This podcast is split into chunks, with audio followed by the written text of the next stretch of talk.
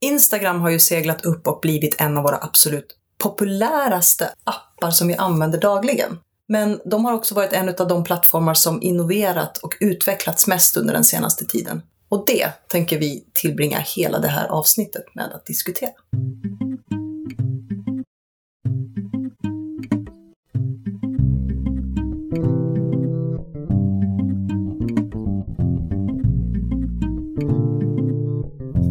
Det här är podcasten Social by Default och precis som alltid är det jag, Sara Larsson Bernhardt, som tillsammans med Deepen Niklas Strand driver den här podcasten. Om ni vill kommentera avsnittet eller ha idéer för framtida avsnitt, twittra med hashtaggen Social by Default eller prata med oss på vår Facebook-sida. Podcasten sponsras som alltid av våra kära Patreons. Hej Sara! Hej Niklas! Eh, ekar. Lite grann. Du kommer få ett ordentligt klippjobb eller tvättjobb att göra. Ja, får se om vi, vi eh, kan. Men varför ekar det så mycket? Alltså, vi är ju i Stockholm. Mm. Vi har kurs på Bergs. Vår 27 eller 28 i ordningen. Vi är lite oense där. Och har precis avslutat dag nummer två med en ordentlig skrattattack. Och har nu satt oss på golvet i ett litet telefonrum på våningsplan två inne på Bergs för att spela in den här. Det är så fullt på Bergs just nu och vi ville hinna spela in det här för vi har lite att göra ikväll. Vi ska på en trevlig bokrelease och sen har vi imorgon och sen åker du på semester. Så vi helt enkelt tog chansen och då får man köra lite så här gerilla setup med påsexan på en stol och vi hoppas att ljudet funkar. För vi sitter, för er som, som, om ni skulle se det här, vi sitter alltså bokstavligt talat på golvet. Det ser jättefånigt ut. Men vi ska försöka spela in lite ändå. Mm. Hur är det med dig? Det är bra. Det är kul att komma hit och göra kurs. Jag är ju inte lika bortskämd med att få åka ut och resa längre eftersom jag sitter på SKF. Det här ger, ja men det är lite lyxigt. Sen blir det ju långa dagar eftersom allting som man brukar göra på dagen blir ju förskjutet till kvällen. Och så gör vi lite grejer på kvällarna också. Mm. Något annat? Nej men du är ju i Stockholm ganska Jag är i ofta. Stockholm mycket. Mm. Det är ju trevligt. Åker mycket tåg. Du åker på semester nu. Mm. Jag ska åka till Piteå. Berätta, Nästa. vad ska du göra där? Jag ska upp och föreläsa för ehm, digitala strateger som utbildas där uppe. Marcus Odevall som vill ta dit mig en sväng. Mm. Jag är Det blir säkert jättekallt. Jag är superavis. Inte på kylan, men Nej. på att få träffa Marcus och Anna. Ja, och lilla barnet. Idag ska vi prata Instagram. Mm. Men först egentligen börja prata om det här kedjebrevandet och eh, ryktesspridandet runt Facebook som sker just nu. Där det har gått runt verkligen ett, eh, så här att åh, Facebook kommer bara visa postningar för 25 av dina vänner, gör si och så för att. Där man har gått in och varit lite sur och förklarat att det där är inte sant och blivit, fått sur tillbaka att ni ska bara bestämma vad vi ska posta. Men det är inte sant. Nej, och det här är väl egentligen i kölvattnet utav den stora algoritmförändring. Självklart är det så. Att man liksom driver det till sin spets och vi ser hur det går. Sen är det ju jättetrevliga saker att folk har liksom så här, berätta hur du lärde känna mig och det är jättekul. Så i sig så kan ju det vara en trevlig sak att göra. Men har inte så mycket med själva algoritmförändringen och det handlar inte om 25 stycken bara. Däremot är det ju enligt algoritmförändringen att mycket kommentarer är bra och långa kommentarer. Det är klart att berättar man hur man har lärt känna någon så kan det ju bli en lång kommentar. Så Ja, men så är det. Det som folk kommer ju självklart se en liten förändring direkt efter det här. Och det handlar ju om att de personer då som har varit inne och drivit och skrivit de här trådarna och varit inne och konverserat, de har ju faktiskt gjort någonting aktivt med den personen. Så då kommer ju de, deras inlägg synas ett tag till. Men som alltid, om vi inte är tillräckligt intressanta, ja men då kommer vi ju sållas bort till slut i algoritmen. Vi lägger självklart en länk runt det här ryktet och till Metro Viralgranskaren som har grävt sig ner i, i ryktet. Men självklart det här med att visas för lite färre är ju ett, ett ihärdigt rykte rykte runt andra algoritmer. Mm. Det är inget som rakt av har erkänts av någon av de två som där det ryktas hårt om. Men där det verkar vara så att man gör det. Det ena är LinkedIn. Yes. Där det finns ett väldigt stark indikator på att faktiskt LinkedIn bara släpper upp saker för ungefär 10% av din följarskara för att se om det är intressant tillräckligt. Eh, Får du aktivitet så släpps det upp till resten. Och det andra är Instagram. För nu florerar en, en algoritmförändring hos Instagram. Och vi vet att de hela tiden också skruvar på sina algoritmer. Och vi har hört det här, eller vi har läst om det i ett antal olika forum. Självklart kommer vi länka till åtminstone någon av artiklarna. Men just det här att Instagram också skulle testa att släppa upp dina bilder när du postar till en liten del av din skara. Och då känna av engagemangsgraden och blir den högre eller lägre så släpps den mer eller mindre upp i ditt flöde. Och sen hur de gör det och om det är en liten, det, det, men det finns en ganska bra genomgång redan från i oktober tror jag den är. Eh, för hur algoritmen antagligen fungerar. Som vi länkar till, som är ganska trovärdig och sådär. Men som allt annat när det faktiskt inte kommer från Facebook då i det här fallet, så, så får man ju lov att ta det med en nypa salt. Så är det ju självklart. Om vi ska backa då, för jag menar, vi fick ju en ganska stor algoritmförändring för ett bra tag sedan, när de verkligen gick in och förändrade från kronologisk ordning till algoritmisk ordning. Och den algoritmen kallades ju i folkmun för 3070, vilket innebar att 30% utav de konton du följer är, och interagerar med, det är de som dyker upp överst i ditt flöde. Och det såg vi ju ganska snabbt, den här förändringen. Och sen såg vi också hur stories då, när de integrerades i Instagram, hur det också påverkades utav den här algoritmen. Men nu då sen i höstas så verkar det ha kommit ytterligare en förändring. Och det här då testet verkar vara en del i den. Grejen är ju att så fort du börjar jobba med en algoritm måste du ju ha ett antal olika delar för att så att säga filtrera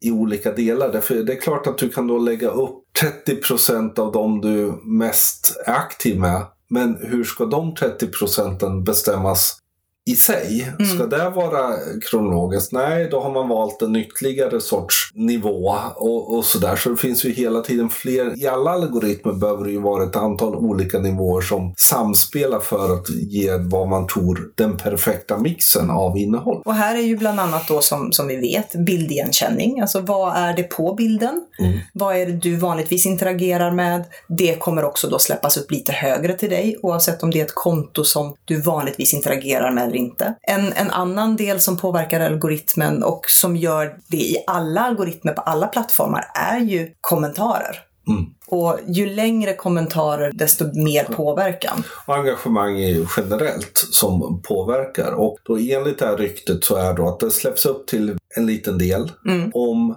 det får mer engagemang än Dina tidigare bilder. Ja, i genomsnitt så kommer det släppas upp till väldigt många fler. Plus bli synligt i Explorer på lite högre upp. Men däremot får det mindre än genomsnittet så kommer det synas för färre. Mm. Bli längre ner i, i hierarkin. Vilket, ska man vara lite krass, innebär att man behöver vara ganska konsekvent med sina bilder. Eller hur? Och det är rätt intressant för vi har ju idag pratat innehåll på kursen hela dagen. Och igår fick vi ju just den här frågan. Hur konsekvent ska man vara när det gäller bilder och bildmaterial? Och där har ju du och jag varit ganska hårda under ett bra tag att prata om att du behöver ha igenkänning. Du behöver ha en strategi för vad du ska använda dina bilder eller ditt Instagramkonto till och vad det är för bilder du ska driva. Men det är ju lika viktigt här som i all annan kommunikation. Är du spretig så upplevs varumärket som spretigt. Och det gäller ju att hålla ihop. Och det visar ju det här ännu mer då att ska du ur ett företags eller varumärkesperspektiv använda Instagram för ett visst syfte så måste du hålla konsekvensen i dina bilder och framförallt göra bilder som dina följare tycker om. Generellt så helt enkelt gör som vi säger, inte som vi gör när det gäller våra egna konton. Men jag kan ändå se genom att jag testar lite nu, gör lite olika tester, jag kör tre bilder av ungefär samma, så kan jag se att det, det finns någon sorts algoritmisk logik. Men mm. det är inte sådär att det är alltid är självklart där man tror att oh, det där kommer sticka iväg. Nej, då sticker den inte iväg, men det är något annat. Och sen hänger det på och så tappar det Ja, eh, intressant. Problemet är ju då om man försöker dunka upp någon bild och verkligen tok-pushar i engagemang så kommer ju alla bilder efteråt visas mindre. Mm. Eftersom det andra drar upp genomsnitt. Någonting annat som, som också påverkar algoritmen, som vi inte har pratat om så mycket tidigare, handlar ju om när du har ett officiellt konto, ska vi säga ett företagskonto, hur ofta det kontot taggas utav andra konton. Och det är ju lite grann som, som förr i tiden när vi pratar om inlänkningar från bloggar och liknande. Det här är ju samma sak. Jag menar, har du andra människor som, som taggar ditt konto så visar ju det att det här är ett konto som de vill att sina följare ska se. Och det gäller både i det vanliga, mer eller mindre statiska flödet, men också i stories. Och det här gäller ju också då att när du får en taggning att du faktiskt uppmärksammar det. För jag menar, här behöver man ju som varumärke flörta lite med de som anstränger sig. Det har jag tagit till mig ganska mycket nu i min nya roll, eh, vilket innebär att jag har en ordentlig dialog med väldigt många av våra följare, både via DM men också så fort någon taggar oss eller så fort någon lägger upp någonting i story där, där vårt konto är intaggat så går jag in och skriver en kommentar och hittar dialoger och det har påverkat vår synlighet ganska mm. markant både märks och känns och syns tydligt.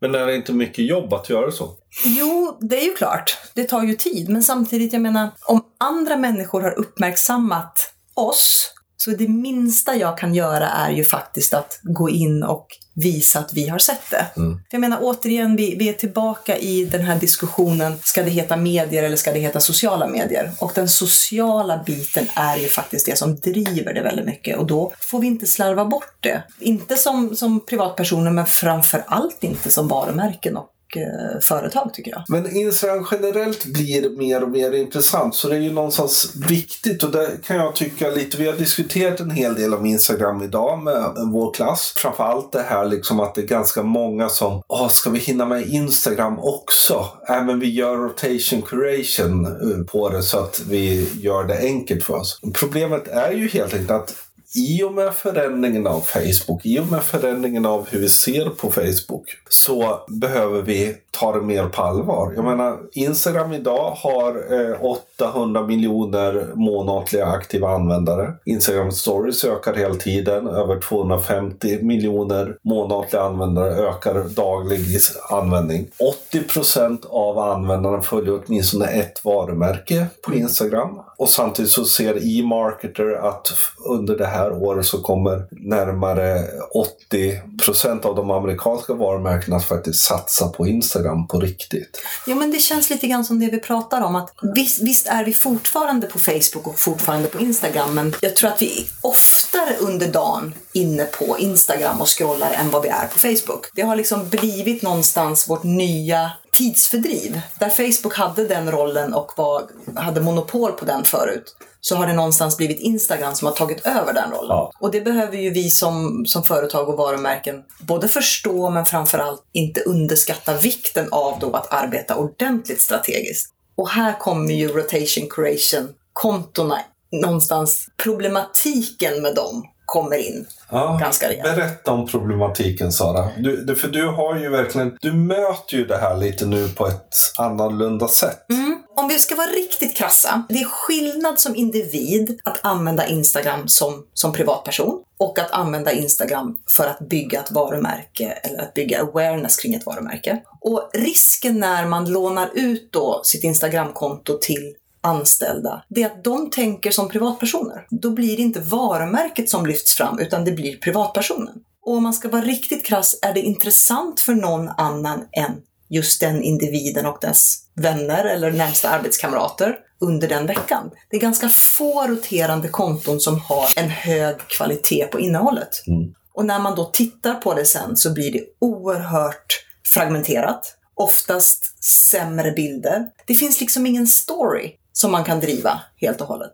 Hur skulle man göra för, för att göra ett riktigt bra rotation curation-konto? Att hitta ett koncept som fungerar. Det finns ju de företag och varumärken som har lyckats. Jag menar, Ving har ju varit fantastiska på det länge. Det var ju egentligen de som, åtminstone här i Sverige, tog, startade upp och tog monopol på att vara briljanta. Vi vet att Dramaten har gjort det, men de är ju storytellers i sig själva, vilket innebär att det blev in, otroligt intressant. Jag skulle nog idag säga att är du ett företag och vill driva ditt varumärke så skulle du kunna jobba med takeover stories, vilket innebär att du driver majoriteten av bilderna, du driver majoriteten av berättelsen. Men någon gång emellanåt när det är relevant så lånar du ut det. Alternativt att man faktiskt skapar två konton. Ett som är varumärkesbyggande, som driver varumärket framåt och du har en otroligt tydlig röd tråd i den kommunikation du gör. Om du sen vill använda Instagram för att bygga intern stolthet, eftersom du kanske har ett företag som finns på väldigt många marknader, då är det inte fel att använda det som en plattform. Men jag skulle nog snarare säga att då bjuder man in de som är interna, men så håller man det låst. För det är inte intressant för någon annan. Vi kanske ibland behöver ett sånt här som är lite internt, som är, men det är ju faktiskt inte intressant för någon annan. Nej. Eh, vi har ett exempel och nu vill vi inte hänga ut något företag, men Atlas Copco har två stycken Instagramkonton. Det ena Instagramkontot heter Atlas Copco Underground, som är det varumärkesdrivande. Riktigt, riktigt snygga bilder, supercoola och bygger varumärket. Sen har de det vanliga Atlas Copco, som är ett rotation curation-konto. Inte fullt lika intressant. Nej. Och lägger man dem jämte varandra så blir det så otroligt tydligt just den här problematiken som finns. Just business to business. Ja, men varför ska ett business to business-företag vara på Instagram? Antingen utifrån ett varumärkesbyggande perspektiv. Jag menar att visa på vad man gör i det stora. Om men ta Atlas Copco Underground då, där det är mycket maskiner, det är mycket gruvor, det är cool belysning och det här kommer ju skapa ett sug i ett långsiktigt perspektiv att man kanske vill vara del av det här, att få jobba där. Alternativt att man då bygger intern stolthet, men i ett låst konto. Väldigt många av de vi gillar är ju egentligen, om man ska vara lite krass, industriporr. Ja. Det är liksom jävligt stora grejer, jävligt snygga maskiner och, och stora båtar och det är stora guldiga bearings. Varför det? Varför ska vi göra det? Varför inte skulle jag säga. Jag menar någonstans så, så visar vi en stolthet över det vi gör. Det handlar ju väldigt mycket om att ändå bygga awareness generellt och någonstans våga vara någonting annat än vi är vana vid att stora industriföretag är. Att man faktiskt har snygga saker, att det handlar om design, att det handlar om många fler saker än det där så väldigt nyttiga som vi självklart ska berätta om också. Men att låta, på många sätt tycker jag också, bilden faktiskt få vara snygg och den kan bära en berättelse om nytta och vad vi faktiskt gör för skillnad. Och där tror jag både i ett HR-perspektiv men också generellt ett business-to-business-perspektiv. Därför vi gillar bra stories. Vi glömmer lätt bort det ibland, att en bra story måste bestå både av bild och text och andra saker och inte bara tänka att bara vi har en bra story i text så är det väl skitsamma. Instagram är ju någonstans en plattform som tillåter det. Och fördelen när man jobbar med då industriporr, stora maskiner eller stora lager eller stora båtar och pråmar, det är ju att det faktiskt bryter ganska mycket mot det privata flödet. För här är ju också ett perspektiv vi måste ta in. Jag menar, är vi som varumärke där så måste vi ju se till att synas med någonting som vi inte vanligtvis möter. Återigen tillbaka till rotation curation som oftast består av människor. Ja, men det blir som vilket annat Instagramflöde som helst. Och då blir det en ganska skön kontrast mot det och det kommer att eh, generera mer engagemang. Du sa idag, tyckte jag, att under, under kursen, en väldigt intressant sak just att förr så tyckte vi för snygga bilder i Instagramflödet var plastiga och tillgjorda.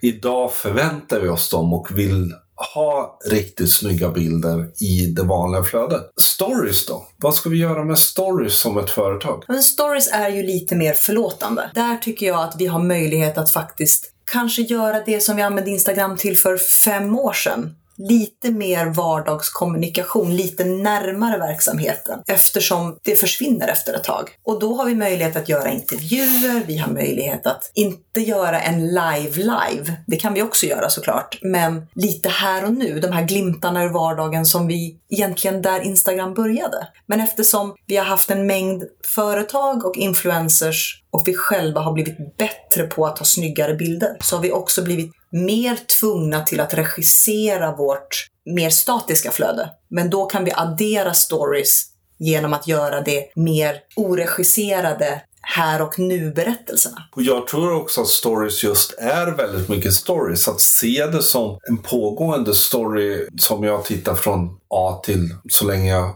tycker det är intressant. Och det är faktiskt man umgås med då varumärket under hela den tiden. Det är inte så upphackat som det vanliga flödet där man ser en bild av från varumärke A, sen ser man ett gäng bilder av sina kompisar, sen kommer en bild från varumärke B och så där. Stories är ju liksom att, jag menar, är vi tillräckligt intressant så kan man faktiskt umgås med ett varumärke i flera minuter. Mm. Och där behöver man också tänka in stories i att dels det här närmare det, men också att det är faktiskt film på, på ett sånt sätt. Longitudinellt kommunikation vi har att göra. Det jag har sett flera gånger där varumärken jobbar ganska hårt med sina stories och sen lägger upp en bild i det vanliga flödet som helt enkelt tar en bild från storyn, säger kolla vår story för hela historien. Att man gör ett relay race, men lite bakvänt kanske man nästan kan tycka. Där man har förstått hela den här, att stories är en historia att berätta. Och nu har ju även Instagram då kom, börjat komma ikapp när det gäller funktioner i stories. De har ju rullat ut olika typsnitt som gör att vi åtminstone kan göra det lite mer spännande. Eh, de har adderat giffar, det håller de på att testa och rullar ut. Det är inte alla som har fått dem än. Men det gör ju också att det blir det här lekfulla. Precis, och man kan göra mycket mer med det. Du, du kan ladda upp bilder som faktiskt är datumsatta mm. tidigare än 24 eh, timmar, vilket man inte kunde gjort förut. Man kan kan lägga upp bild som inte är precis satt, alltså skalad för stories. För då kan man knipa ihop det. Och det ser lite annorlunda ut och kanske lite keft eh, ut, men det går åtminstone. Och fördelen är att det raderas så att det behöver inte vara det där superperfekta. Sen finns det ju självklart företag. General Electric är ju jätteduktiga på stories i sig, men alla de är ju förregisserade. Så det är ju verkligen corporate film nedmonterad i ett Instagram story-format på 10 sekunders sekvenser. Finns lite andra ny, nya funktioner? Mm. De har ju varit ganska duktiga på att innovera. Någonting som jag upptäckte för par veckor sedan som jag aldrig har upplevt innan. Eh, och det finns säkert ni som lyssnar som har gjort det, men jag har aldrig fått bilder skickade till mig via DM från folk som jag inte följer eller har godkänt. Men eftersom jag nu sitter och roddar vårt företagskonto så händer det ganska ofta. Och det här var en ny erfarenhet för att då är det så att då laddas bilden upp, den skickas till mitt DM på företagskontot, men då är den alldeles grå. Och sen så står det i bilden att bilden är suddig för att skydda dig från oönskat innehåll. Tryck för att visa en förhandsgranskning. Och då får man tappa på bilden en gång. Då blir den suddig. Det går från det helgråa till att bli suddig så att du kan se konturerna av vad det är på bilden. Och sen får du tappa en gång till och då visas bilden i sin helhet. Tappa betyder alltså klicka på. Ja, precis. Det här är ju helt enkelt deras sätt för att lösa dickpic-problemet. Mm. Men det är ett ganska smart sätt. En av grejerna med Instagram som både på gott och ont kanske ibland är ju att man inte har kunnat dela saker. Ja men för oss marknadsförare dåligt, eh, kanske för andra och för flödet bra. Men nu testar man då, just nu testas och rullas ut ganska brett att man kan dela andras inlägg men delar det då i sin egen story. Så att det blir, en, det blir inget som liksom dyker upp nödvändigtvis i sitt vanliga flöde och lägger sig sig som en bild hos sig som regramming har varit som vi har fått gjort liksom med hjälp av tredjepartsfunktioner. Men om jag ska förstå dig rätt är att jag scrollar mitt flöde, jag ser en av dina bilder som jag tycker är supersnygg. Oh. Och då kan jag dela den i min story. Exakt. Okay. Hittills har du ju kunnat dela till DM. Mm. Typ jag ser någon snygg bild, jag skickar den till eh, er, eh, till dig och sådana saker. Men nu kan man göra lite mer liksom att kolla det här är en svinsnygg tröja. Det vi har sett har varit också att det har funnits tester, faktiskt rena regram, att helt enkelt regramma andras postningar. Ja, och jag vet att det gick ett sådant rykte redan före jul. Men det jag funderar på är ju då, hur är det med upphovsrättslagen, alltså bildrättigheter? För jag menar, om jag gör en regram så bör den ju vara trådad. Och då är frågan, kan vi göra det idag eller behöver de bygga om hela sin... På något sätt kan de ju uppenbarligen göra så, därför allting har ju en URL. Mm. Men det är väl mer om de vill. Därför det kommer ju bli, se ut på något annat sätt. Och bara, ja. Vi får väl se.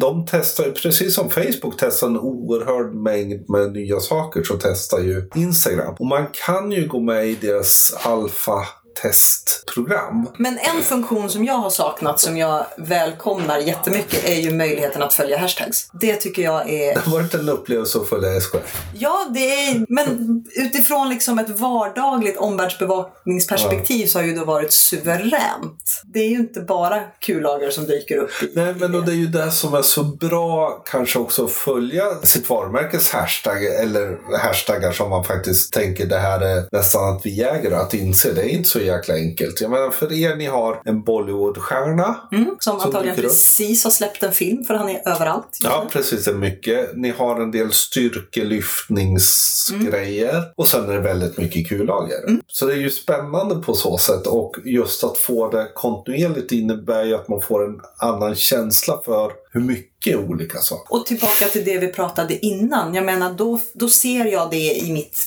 vanliga privata flöde och kan inse att nej, men här är en riktigt bra bild som någon har taggat SKF. Då går jag in på vårt företagskonto, letar upp bilden och lägger en like eller något liknande. Och det kommer ju återigen skapa den här goodwillen mellan Ja. Personer och företag. En annan sak som faktiskt jag har sett det är recommended post. Alltså att man får förslag på, eh, rekommenderade utifrån vad man faktiskt gillar. Och då är det ju helt klart mycket på bildnivå där de plockar upp det. För jag gillar mycket så här snygga naturbilder och mycket street photography och sådana saker. Och jag får ju, får ju bara sådana förslag på sådana konton. Men där man också får upp bilden så att man ser liksom wow vilken bild. Utan att behöva gå in i recommended eller explore feed. Förut har man kunnat fått någon recommended liksom, personer som har kopplat till, men då har man ju fått vilken användare. Men här är det också bevis på att det här borde du gilla. Och den sista featuren som vi har upplevt nu sista är ju just att live kan du nu göra med en vän som sitter någon annanstans och bjuda in.